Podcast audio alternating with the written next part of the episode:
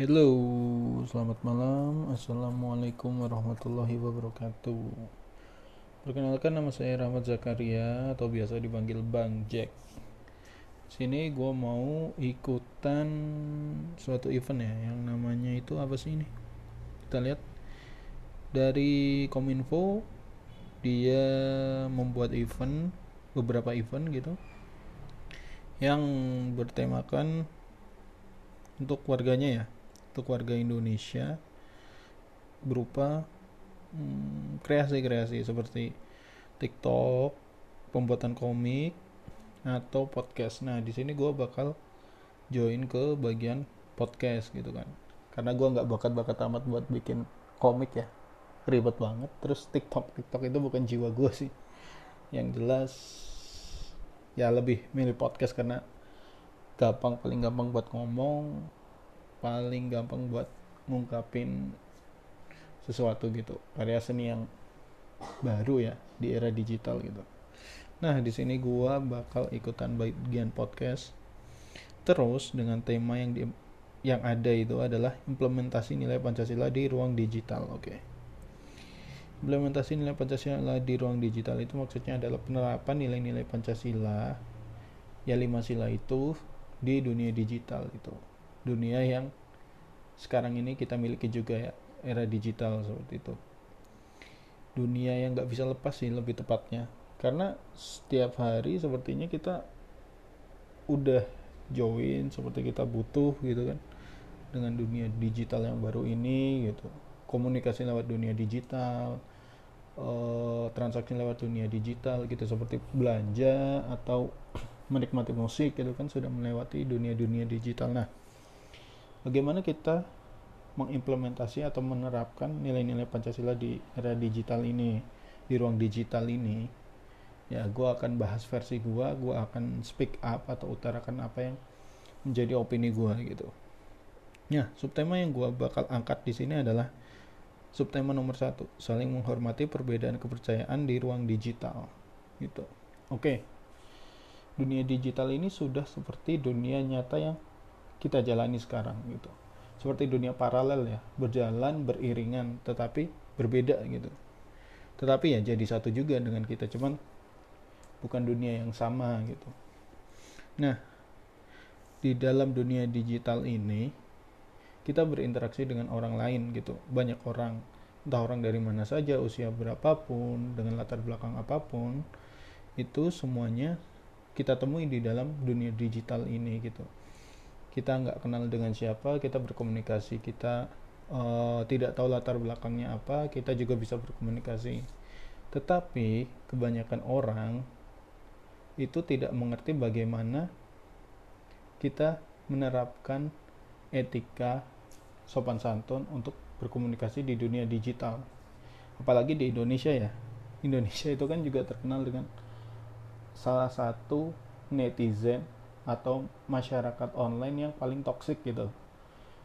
Misal ada masalah seperti dengan Microsoft kala itu kita itu nyerbu ngebully Microsoft gitu dengan kata-kata yang super duper tidak beretika ya kebanyakan gitu. Cuman ya itu kan masing-masing reaksi atas kejadian tersebut gitu. Kita nggak bisa menilai baik dan buruknya secara pasti. Yang jelas itu mencerminkan lah salah satu bahwa kita itu juga butuh beretika di ruang digital gitu untuk berkomunikasi dengan pihak lain, lembaga lain, orang lain atau siapa pun di ruang digital itu sendiri.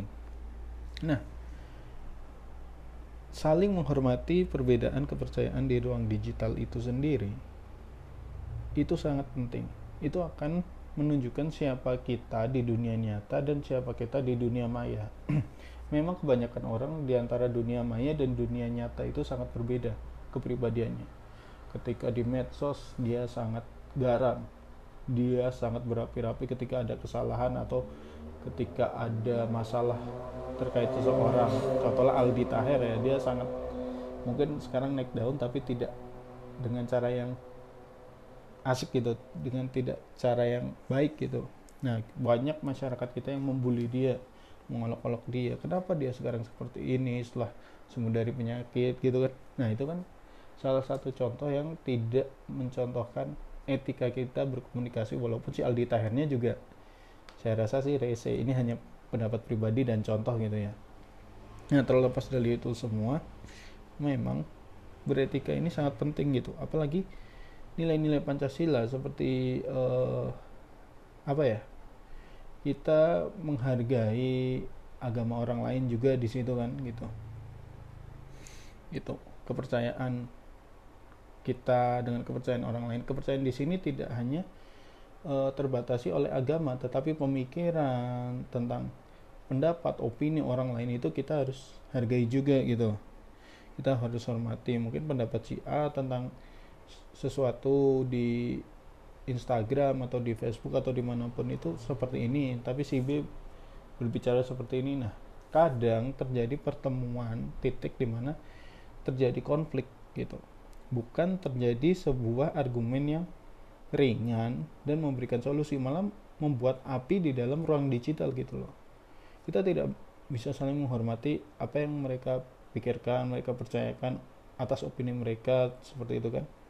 Nah ini saya sangat disayangkan. Padahal etika kalau kita menerapkan etika yang baik nilai-nilai Pancasila di ruang digital saya rasa itu akan memberikan suatu dampak yang positif bagi masyarakat kita. Contohlah kita berbicara negatif.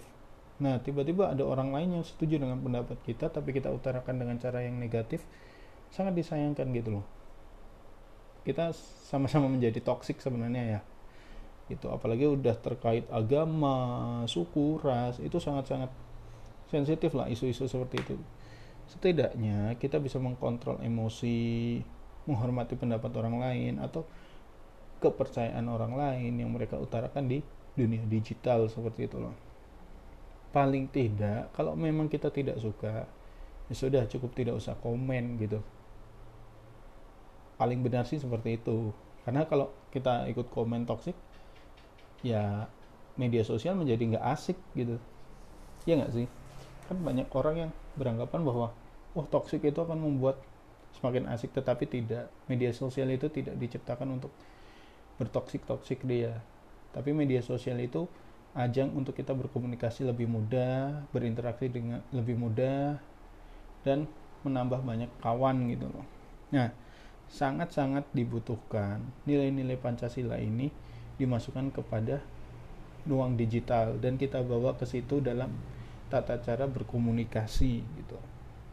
Kita hormati apa yang menjadi argumen orang lain, kita hormati apa kepercayaan orang lain terkait agamanya, pemikirannya atau apa pun itu. Mungkin yang orang muslim eh, menghormati orang lain ya sebatas menghormati bahwasanya oh argumen mereka seperti ini di agama lain mohon maafnya dan orang lain non muslim menghormati apa yang dipercaya orang muslim karena kepercayaan itu kan kembali kepada diri masing-masing tidak perlu diperdebatkan tidak perlu menjadi masalah yang harus diangkat menjadi masalah yang lebih besar di media sosial gitu kan. Ya yang paling benar memang kita terapkan nilai-nilai Pancasila di dalam media sosial. Kita berkomentar dengan santun kita bertata krama dengan baik tidak perlu saling menghujat tidak perlu menjadi provokator yang jelas. Kita bisa menjadi uh, contoh lah minimal menjadi contoh yang lebih baik di media sosial. Tidak perlu menjadi yang terbaik tetapi jadi yang baik. Kita bawa nilai Pancasila yang menjadi dasar negara kita yang nilai-nilainya sangatlah luhur yang sangatlah tinggi yang kita junjung di negara Indonesia ini. Sepertinya seperti itu aja sih argumen gue tentang uh, menghormati kepercayaan orang lain di era digital. Yang jelas kita saling eratkan rasa-rasa toleransi rasa-rasa tenggang rasa yang saling menghormati apa pun argumen orang lain. Kalaupun argumen orang lain tidak menyenangkan atau tidak baik atau tidak sesuai dengan norma yang ada sebaiknya kita tidak perlu mencampuri urusannya atau tinggalkanlah nggak perlu di uh, kita bahas nggak perlu kita ikut menjadi apa kayu bakar di dalam api dia gitu. Ya sudah gitu biarkan. Orang toksik itu akan tersingkir dengan sendirinya kok selama kita menjauhi dirinya tidak perlu ikut campur kita uh, sibukkan diri dengan berkarya berkarya dengan apa yang kita bisa apa yang kita punya di ruang lingkup digital sekarang ini gitu. Oke sekian dari saya. Semoga podcast ini bermanfaat dan memberikan wawasan atau pencerahan yang baru bagi rekan-rekan di luar sana yang bermain medsos. Kita semua pasti ingin medsos itu menjadi baik, menjadi ajang silaturahmi yang baik gitu. Terima kasih. Wassalamualaikum warahmatullahi wabarakatuh.